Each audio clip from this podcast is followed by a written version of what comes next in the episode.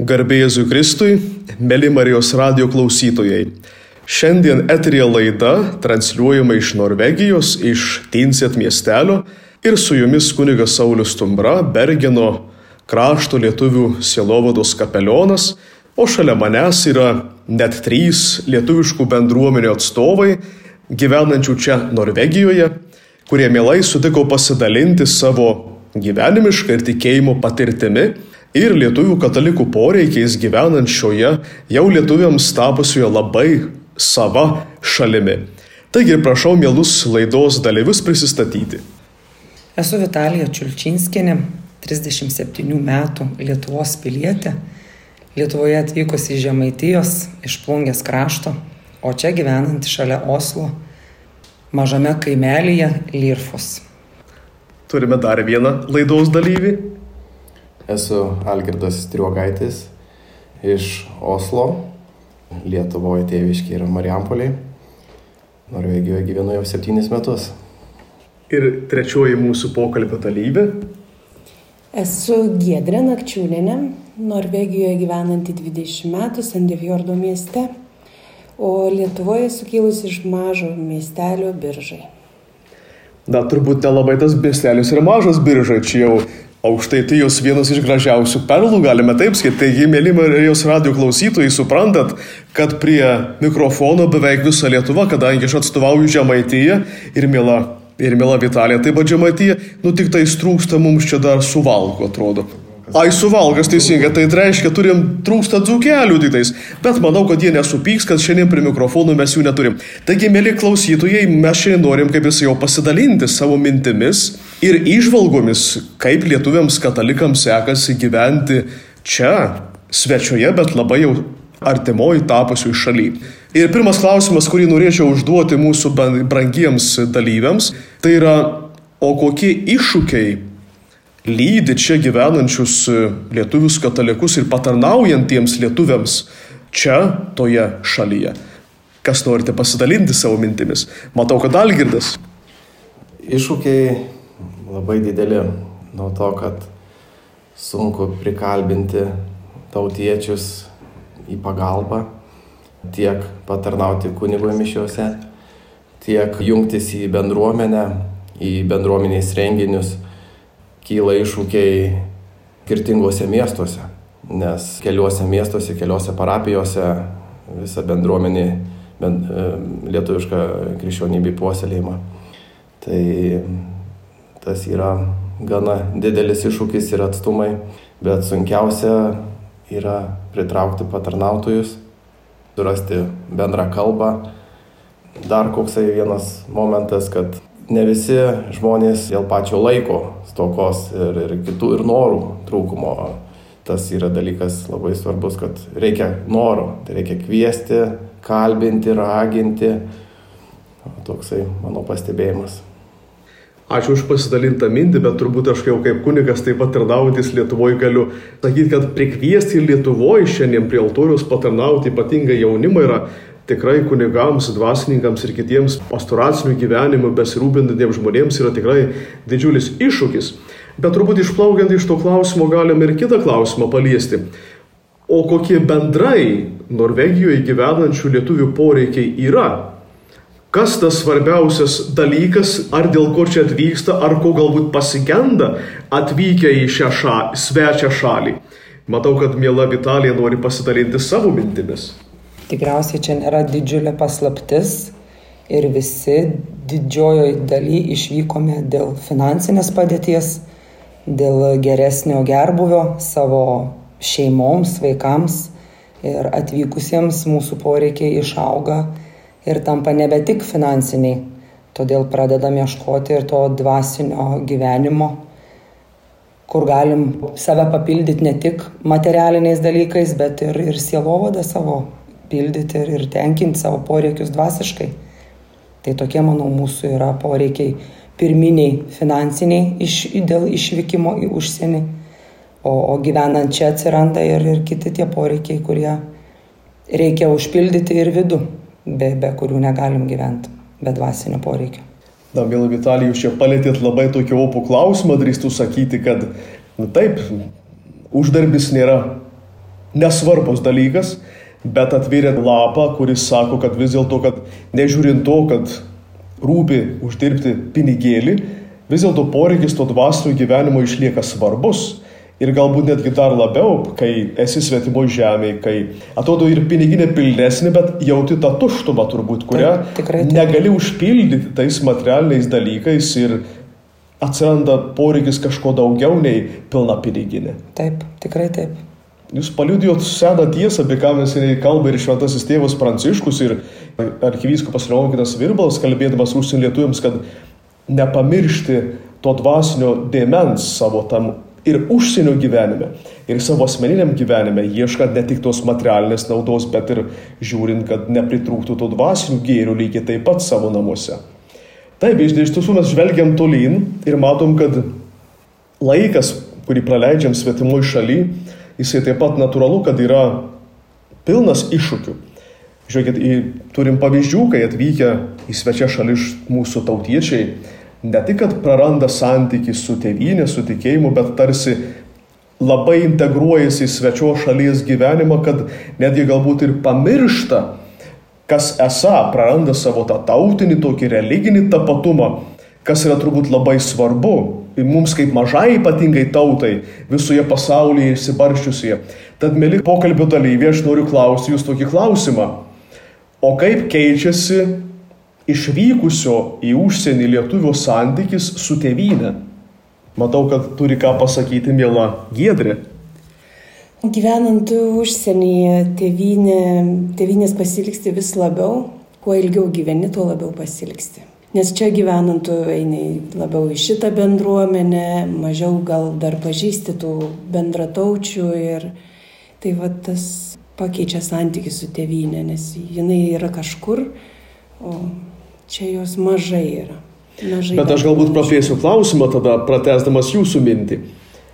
O tai čia yra laikini namai ar antroji tėvynė? Pirmi metai būna laikini namai su tą mintim, o paskui pasidaro antroji tėvynė. Jeigu vaikams gimusiems čia, tai tikrai jinai yra kaip tėvynė. Tarsi kuriama antroji Lietuva, ar taip galiu sakyti? Čia kaip kokioj šeimoje matyti. Nuo šeimos priklauso, ar ne? Ir turbūt čia mes kiekvienas galim tą patį paliūdyti, kad šeima, šeima, šeimos bendruomenė labai yra svarbi, ypatingai išvykus turbūt į užsienį, išlaikant tą tautiškumą ir tą religinį tapatumą, nes ta maža bendruomenė, jeigu tarp savęs gyvena ta nuotaika turbūt, tai lengviau galbūt ir išlikti savimi, nepaskesti toj daugybei tautų privažiavusių į šalį. Bet čia matau, kad turi dar ką pasakyti visi mano pokalbio dalyviai. Kviečiu Algirdą. Man dar toksai vienas dalykas, norisi pabrėžti, kad e, norisi skleisti tą Lietuvos vardą, e, Lietuv, Lietuvos tautybę, idėjas ir kitose šalyse, kad mes, okei, okay, išvykome į kitą šalį, tai ne tai, kad integruojamės ir būnam norvegai, ar, ar, ar užmirštam Lietuvą, ar tiesiog ilgimės viduje širdyje, bet kaip ir sportininkai, krepšininkai arba visi kiti pabrėžiantys Lietuvos vardą, va, tuo pačiu kažkurio šventės metu ar kažkokią veiklą galėtume pabrėžti Lietuvos vardą. Tuo pačiu mes įsiliemi į Norvegų bendruomenę ir jiems pasakome apie tą Lietuvą, nes visada jie klausia apie visokias šventes, apie istoriją, jiem labai įdomu ir vieną praleidę momentą yra istorijos, kitą nežino, galbūt tai vat, tą primenam pasakom ir jiem būna, wow, reikia atvažiuoti į tą Vilnių, reikia atvažiuoti į tą Lietuvą. Tai čia savotiškai galime sakyti, kad tampat savotiškais Lietuvos ambasadoriais tose mažose bendruomenėse, kuriuose gyvenate. Tai yra labai puikia idėja, bet ką nori pasakyti mums vėl Vitalija?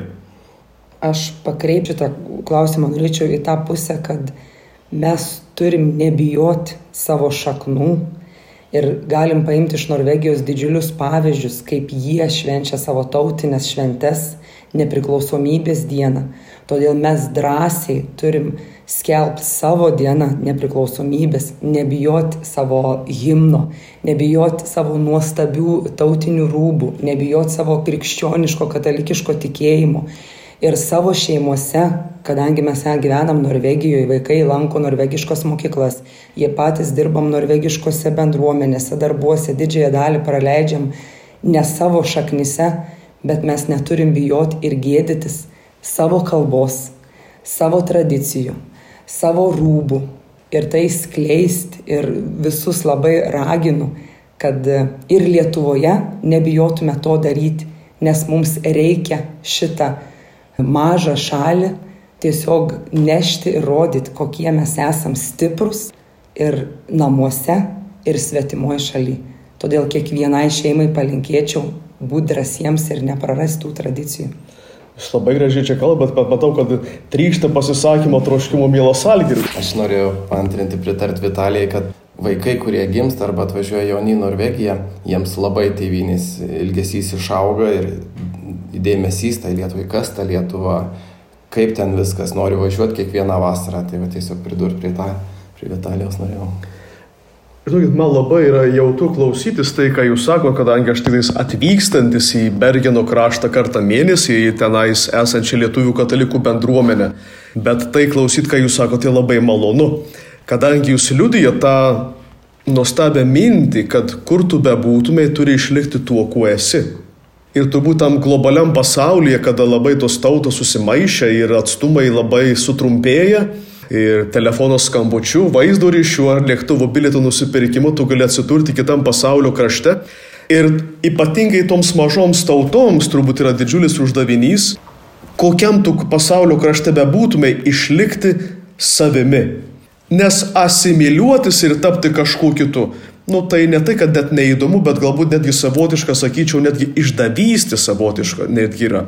Ir tai liūdė, žiūrėkit, didžiulės išeivių kartos į Amerikos žemyną išvažiavusių ir, ir, ir į Lotynų Amerikos žemyną išvažiavusių ir į kitus kraštus išvažiavusių, kurie būdami daugybę metų svečioj šaly vis dėlto stengiasi išlaikyti tą savo tapatumą. Gyvenu čionais, bet aš save įvardiju.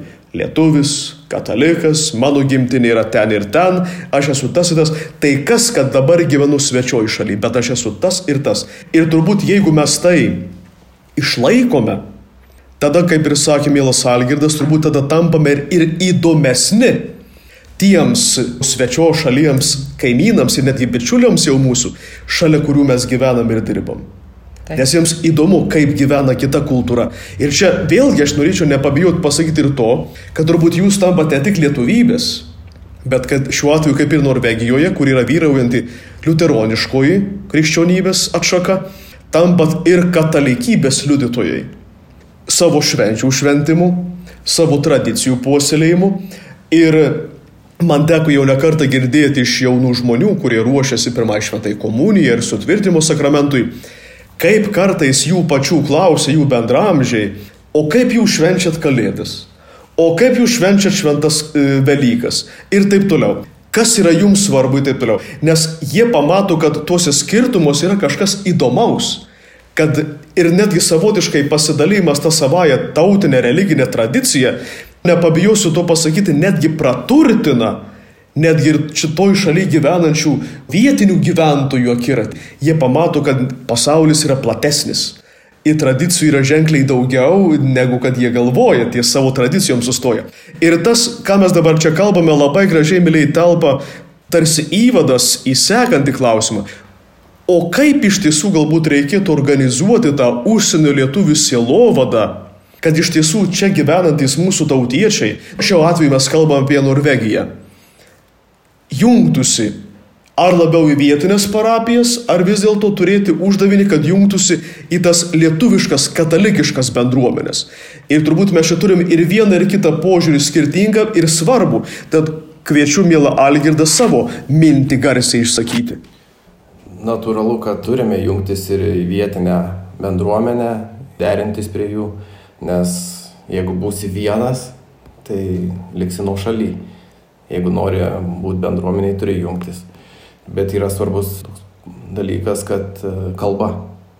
Jeigu tik lietuviškai kalbėsime, mes nieko neskleisime, nieko nepapasakome apie savo Lietuvą, negalėsime prisijungti į tą bendruomenę, tad reikia išsilavinimo ir bent jau kalbos. Tada galime jungtis drąsiai į kitas bendruomenės, nes taip pat Norvegijoje vyksta aktyviai renginiai ir tokios šventės, tiek katalikiškos, tiek valstybinės šventės. E, kitas dalykas, reikia ir lietuvio kunigo. Reikia tiems naujiems, tik atvažiavusim į Norvegiją, padėti įsijungti, neužmiršti lietuvių krikščioniškų papročių ir kol išmoks tą kalbą arba pripras, kad lietuvis kunigas mums pagelbėtų, padėtų. Kitiems yra tik tais lietuvis, gana konservatyvūs lietuviai irgi, bet kaip man pačiam, atvažiavus į Norvegiją, pirmiausia ieškau tik lietuviškos bendruomenės, bet neradau. Radau pirmiausia Dramenę, pirmas Dramenas miestas mano buvo apsigyventas. Ir peržiūrėjęs skelbimus žiūriu lietuviškos mišios. Tada lietuviškas mišes pirmiausia atvykau ir taip įsijungiau bendruomenę savo norų po truputį, po truputį toliau viskas seko, kad įsijungiau į norvegišką bendruomenę. Tiek anglų kalba, tiek ispanų kalbos visokios bendruomenės yra, tiek mišios viskas. Visa eiga mišių ta pati yra, tiesiog jeigu moki, tai nesvarbu, kurią kalbą eini, laisvai pasirinkti gali. Gražiai jūs, mielas Algidai, kalbate apie tai, bet turbūt čia mes galime iškelti galbūt dar ir kitą klausimą, kas galbūt yra ir plat, plačiau taip žvelgiant aktualu, kad gyventi vietiniai bendruomeniai taip, tapti platesnės bendruomenės dalimi, kaip jūs ir sakot, bet palaikyti ryšį su savo tautinė bendruomenė, tai turbūt geresnio būdo kaip susirinkimas sekmadienį šventasias mišes turbūt net negali ir būti, nes du zuikiai vienu šuviu nušaunami ir lietuvybė išgyvenama ir tikėjimo bendrystė tuo pačiu. Ir turbūt mes galime grasiai pasakyti čia didžiulį dėkų ir Oslo vyskupui, vyskupui Berntui, kuris yra sudaręs labai geras sąlygas ne tik lietuviams, katalikams gyvenantiems Oslo viskupijos teritorijoje, bet ir kitoms tautinėms mažumoms katalikiškoms čia gyvenančioms turėti tą lietuviškąją pastoraciją, taip galim sakyti. Nes yra sudarytos sąlygos atvykti kunigams svečiams, kad galėtų aukoti šventasias mišes jų gimtają kalbą. Ir man pačiam teko tokį jau malonę, jau tenka eilę metų malonę teikti sutvirtinimo sakramentą ir kai prašymą rašau vyskupui leidimo gauti, tai visą rašau taip, kaip jisai pats suformulavo. Suteikti sakramentą motinos kalba. Tai yra gimtoji kalba, toks pagalvokit, koksai gražus pasakymas - meldžiamės mamos kalba. O per mamą mes turbūt aplankom ir tą gimtąją trobą, ir gimtąjį kaimą, ir gimtąjį miestą, ir gimtąją savo šalį. Ir būdami toli svetur nuo savo gimtinės, nuo savo pačių artimiausių žmonių, vis dėlto mes išgyvenam tą bendrystę. Per tą maldos bendrystę. Tai va čia tikrai didžiulis džiaugsmas, kad Norvegijos bažnyčia Oslo viskupijoje tikrai yra sudariusi labai geras sąlygas tai tokiai lietuvių katalikiškai tautiniai bendruomeniai, kuri galėtų rinktis, palaikyti savo bendruomenę ir, kaip sakiau, melstis tą savo motinos kalbą. Tai yra be galo gražu. Bet aš gal norėčiau pratesti klausimą dar ir taip, o kas iš tiesų šalia, pavadinkim tokio to pamaldų reikalo, ar, ar mišių lankymo, ar katechezių visų pirmos komunijos, ar sutvirtinimo, kas daugiau dar padeda tą lietuvių tokį bendruomeniškumą palaikyti ir ugdyti, nes turbūt esame ne vienas pastebėję, kad išvykę į svečią šalį, būkim teisingi, dažnai mūsų tautiečiai labai susvetimėja. O kas gali būti ta jungtimi, ar kas yra ta jungtimi, kuri vienyje tuos mūsų tautiečius gyvenančius vienoje ar kitoje, šiuo atveju Norvegijos daly. Prašau, mėla, Giedrė nori pasisakyti. Kiek man yra žinoma, tai yra labai, jau nemažai yra lietuvių bendruomenių visoje Norvegijoje. Tas taip pat vienyje reikalingos lietuviškos tradicinės šventės, kurias taip pat organizuoja bendruomenės. Yra lietuviškos mokyklėlės, kur tikrai gali susitikti ir tėveliai, ir vaikai. E, daugiau tokios lietuvybės. Algirdas gal papildys mane. Yra pramogų grupės ir slidinėjimo, ir mhm. laipimo į kalnus. Tai lietuviai būrėsi ne tik su vietinėm bendruomenėm, bet kur ir savo grupės visokių pramogų. Tengiasi vis tiek išlaikyti tą lietuvybę. Mano žiniomis, Mela Gedrė ne vienerius metus buvot vienos iš lietuvių bendruomenė, netgi pirmininkė, kaip jums pavyko tą bendruomeniškumą ugdyti, o gal priešingai. Ir gal yra dalykų, kas trukdo tam bendruomeniškumui. Čia nereikia bijoti ir tai galbūt pasakyti. E, taip, teko man būti du metus Vesvaldo lietuvių bendruomenės pirmininkė, tai palaikymas tai buvo mokyklėlės lietuviškos vaikų O kad reikalingas labai didelis noras pačių lietuvių. Kita kartą būna, kad sako laiko stoka. Tikrai savaitgalį galima kažkurį vieną kartą į mėnesį ar ten du kartus į mėnesį skirti tai lietuvybei. Tai ar aš teisingai suprantu, kad jeigu noriu, tai ir galiu? Taip. Tikrai tai gal taip. mūsų tautiečiams užsienyje pritrūksta to noro tą bendrystę išgyventi? Pritrūksta. Kiti nori pramogų, padarai pramogas, atrodo, ne, norėtus kažko kitokio, gal teatro, gal dar kažko. Noro reikia čia, tai ne priežasčių ieškoti, kodėl aš to nedarau. Tai mėly tautiečiai, kur be būtumėt, mes sakom, turėkit didelį norą būti šalia savo tautiečių, šalia bendrakalbių, šalia savo krašto žmonių, išgyventi kuo didesnę tą bendrystę su savais ir matyti tikrai tą žodžių prasme kraujo broli, kraujo sesę, kurie yra tarsi vienos šeimos nariai. Šiandien mes kalbame iš Norvegijos, mėly Marijos radio klausytojai, iš tokio Tinset miestelio, kurio prieigose kalno papėdėje, jeigu taip galima pasakyti, vyksta jau treti metai organizuojama katalikiška stovykla skirta čia gyvenančių lietuvių jaunimo ir vaikų tautiniam ir katalikiškam ugdymui. Taigi ta stovykla vadinasi Šviesos vaikai. Jos vadovė yra Laura Alesienė, kuri ir šiuo metu yra užsijėmusi su organizaciniais klausimais ir mes visi čia esantis šioje laidoje prie šio mikrofono esame vadovai, man tenka būti šios stovyklos ir kapelionu. Visą šią savaitę aukoti šventasias mišes, kalbėti vaikams apie religinės šventes, apie mūsų tautinį religinį paveldą gražų, netgi savotiškai, netgi lietuviškai mokinti skaityti, nepabijosiu to pasakyti.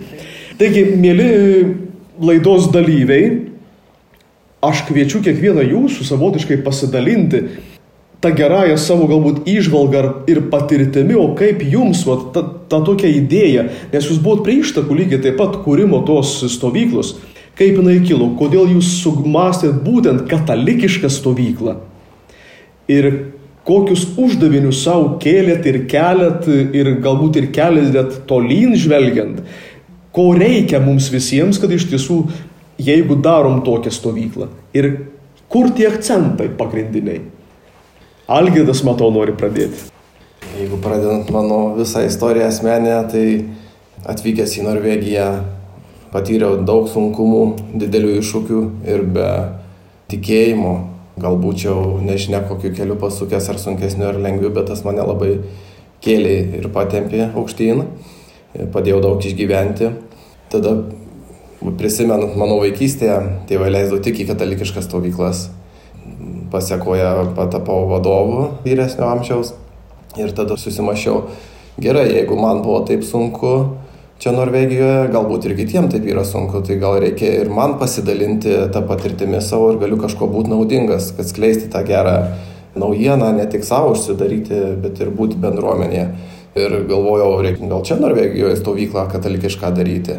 Ir labai toksai įdomus dalykas įvyko galbūt netgi panašiu metu ir man Osle, Drameno pusėje, pietinėje Norvegijos pusėje, tiek Laurai Bergeno pusėje, vakarinėje Norvegijos pusėje, tiek atvažiavus dar piečiau Sandefjordą, Tonsbergą parapijoje žmonės sako, reikia mums daugiau kažko, reikia sielai maisto reikia ne tik kunigo, bet reikia ir kažkokių tai pasisėdėjimų, vakaronių, taip gimė e, chorų vak vakaronės. Ir, tada atsirado ta idėja apie katalikišką stovyklą.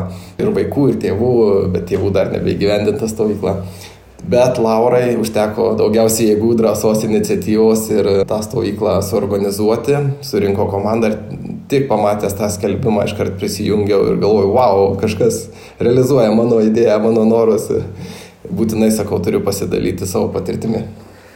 Kviečia mėla Vitalija pratęsti savo patirtis ir savo žvilgsnį į tai, kas vyksta. Tai aš gal galėčiau susijęti su tai, e, su savo noru Tai man buvo didžiulis noras ieškojimas e, Norvegijoje svetimoje šalyje tikėjimo. Vedimas vaikus katalikiškų kelių ir tada ieškojimas veiklos savo ir kai yra noras, tai tu pritrauki dalykus tokių, kurių tau reikia. Ir visiškai netikėtai, net negalvodama, net minties neturėdama, pamačiau šitą skelbimą, kad ieškomi bendraminčiai, renkant į šitą didžiulę komandą ir didžiulį darbą gerą pati esu buvus tik dalyvė, kažkada niekada neįsivaizdavau, kad galėčiau būti vadovas ir prisidėti prie tokio iššūkio. Tai tik atėjus į komandą pasirinkau lengviausią savo žinomą darbą, tai yra maitinimą ir galvojau, kad labai lengvai aš prasisuksiu.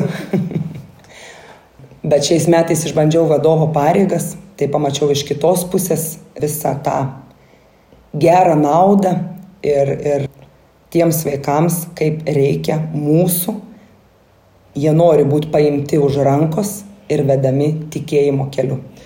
Aš pratęsiu klausimą. Jūs užsiminėte apie tai, kad jūs jau pamatėt, ko vaikams reikia.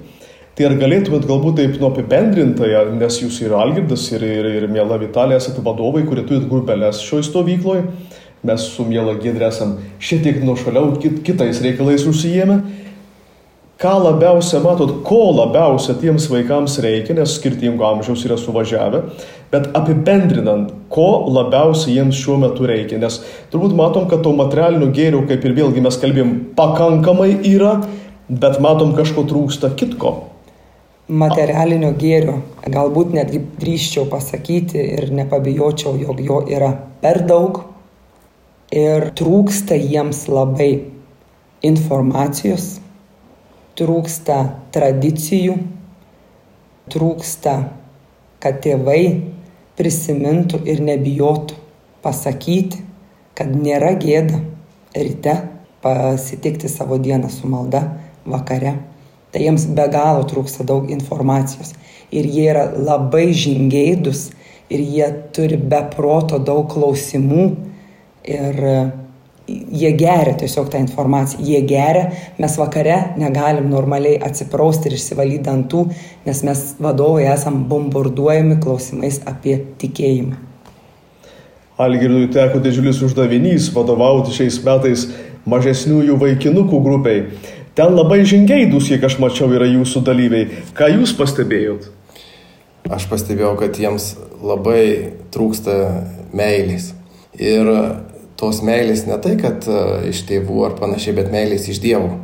Kas ta Dievo meilė? Kas tas Dievas yra?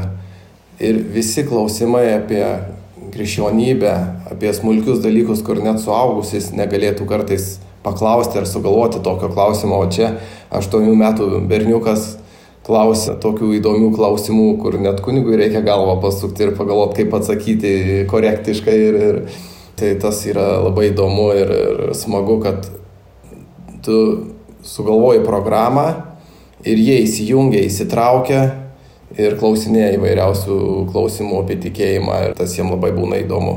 Tai svarbiausia yra tėvams nepamiršti visą tai išlaikyti po mūsų stovyklos, nes mes tik tais parodome kryptį, į kurią pusę turėtų katalikas eiti. O tėvų jau pareiga pasimti už rankos ir vesti jį ir mokyti. Nes mes per vieną savaitę nes, neišmokysim visko ir visos informacijos į galvas ne, neįkalsim. tai... Turbūt aš čia apibendrindamas galėčiau sakyti ir mielos Vitalijos pastebėjimą ir Algėdu, kad turbūt didžiausias tas trūkumas ir pastebimas, kad vis dėlto dėja, bet reiškia negauna tie mūsų jaunikaičiai, panelės ir vaikinukai, kurie čia jau daugelis ir gimė ir gyvena, pritrūksta būtent to lietuviškumo ir to katalikiškumo, ką mes per šią savaitę ir bandome nepasakysim tai, kad kompensuoti, neįmanoma kompensuoti to, nes tai yra vis dėlto gyvenimo jau būdo ir tradicijos palaikymo reikalas. Mes tik galim suaktualizuoti klausimus, taip nepabijosiu pasakyti, kad jie dar smalsesni taptų ir tų klausimų nebijotų kelti.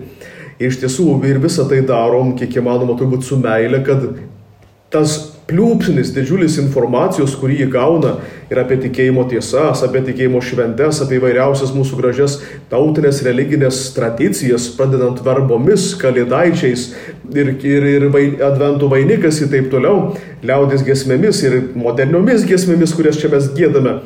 Tai kad sužadinti tą algį, kad jie ir užvėrus stovyklos duris Galbūt kokį rytą pabudę tėčiui mamai pasakytų, aš noriu sekmadienį nueiti lietuvių bendruomenę. Kaip aš jiems sakau, jūs turite nuo šiandien didžiuotis, esu lietuvis, esu katalikas ir man dėl to yra valio, dėl to džiaugiuosi. Turiu trispalvę ne tik iškeltą aukštai galbūt virš galvos, bet ir na iširdį plėvėsuoja. Bet aš matau susimaščius labai Vitaliją, žvel... ne, ne, Vitaliją ir Gėdrį žvelgia ir kažką dar nori papildyti žvelgiant į tą mūsų stovyklą. Aš norėjau dėl to prisijungimo, kaip aš čia atsiradau toj stovyklai tarp vadovų, kadangi pamačiau Lauros skelbimą, tai man buvo iššūkis iš tikrųjų, kaip iš skirtingų vietų Norvegijoje žmonės net nesusitikdami, o bendraudami tik tai ten to pačiu internetu ar telefonu ar kažkaip sukūrė tokį dalyką kaip katalikiška stovykla, tai tikrai yra iššūkis ir vadovams, ir, ir kunigui, kuris atvyksta vieną kartą mus matęs iš Lietuvos. Ir, ir manau, tie vaikai didžiausias mūsų kaip įrodymas, kad tai yra naudinga, tai jų grįžimas kitais metais. Žinot, mūsų laikas, aišku, laidos keliauja link pabaigos, bet aš norėčiau galbūt kreipiantis dabar jau kiekvieną jūsų, kurie šioje laidoje kartu su manimi buvote, paprašyti tokių galbūt ir palinkėjimų, galbūt kreiptis į Marijos radio klausytojus, kurie yra ir Lietuvoje, ir ne Lietuvoje, kurie mūsų laidą klausysis. Galbūt ką jūs ypatingai ir palinkėtumėte tiems, kurie ar galbūt galvoja, ar išvykti, ar jau yra išvykę kokį tą tokį, pavadinkim, receptą pasakytumėt kaip patarimą, kad neprarastų to, kas jie patys yra? Matau, kad nori pradėti Vitaliją. Tai aš galėčiau pasakyti visiems esantiems Lietuvoje, manau, kiekvienoje šeimoje ir, ir giminėje turime išvykusių šiais laikais besimaišantis šitaip žmonės, tai turėkime noro būkime drąsus. Ir tegu Dievas mums padeda skleisti tai, ką mes turime iš savo protėvių. Mes visi užaugom su mintimis, kad Dievas mus mato ir girdi ir padeda visur ir visada. Todėl būkim drąsus, nesigėdykim ir savo šeimose, kad ir kur bebūtumėm, kuriam pasaulio krašte, savo šeimose ir savo atžalą sauginkime taip, kaip buvom užauginti patys. Algirdas. Norėčiau palinkėti stiprybės, negalvoti tiek, tik apie save, nes visiems yra sunku, visi turim skirtingų problemų ir bėdų, bet kadangi esame bendruomenė, e, ar išvykstame, ar kūrėme kažkokią bendruomenę, galų galę šeimą kūrėme, tiek vyrui, tiek žmonai yra sunku, tai galvokime visada apie kitą ir viską atiduokime kitam. Ir kaip Dievas sako, tau nežinant, tau nematant bus atlyginta. Ir mėla Giedrė. Aš išvykimo iš Lietuvos neskatinu, bet e, jeigu jau taip atsitinka, tai išvykus gerbkite savo tėvus, neužmirškit, kad jūsų vaikai ir jūsų tėvai turi išnekėti vieną kalbą. Vienu, vienu tikėjimu, tas man labiausiai, vat, kas man e, trūksta čia, kad vaikai pamiršta lietuvių kalbą. O šalia kalbos pamiršta tuo pačiu ir tikėjimą, natūralu. Viskas susiję labai. Tradicijos ir visi kiti dalykai. Tai, mėly laidos dalyviai, labai dėkoju Jums už tai, kad sutikote pasidalinti savo mintimis, savo gyvenimiškomis patirtimis šiandieną čia iš Norvegijos, iš Tinset, miestelio iš katalikiškos stovyklos šviesos vaikai, kur mes šiuo metu esame. Taigi šioje laidoje kartu su manimi buvo mėla Giedrė Nakčiūnienė, Mėla Vitalija Čiulčinskienė ir Algirdas Striugaitis. Ir aš, kunigas Saulis Tumbra, Bergeno lietuvių katalikų misijos kapelionas ir šiuo metu šviesos vaikai stovyklos kapelionas čia, Norvegijoje. Su Dievu, garbėjai Kristui.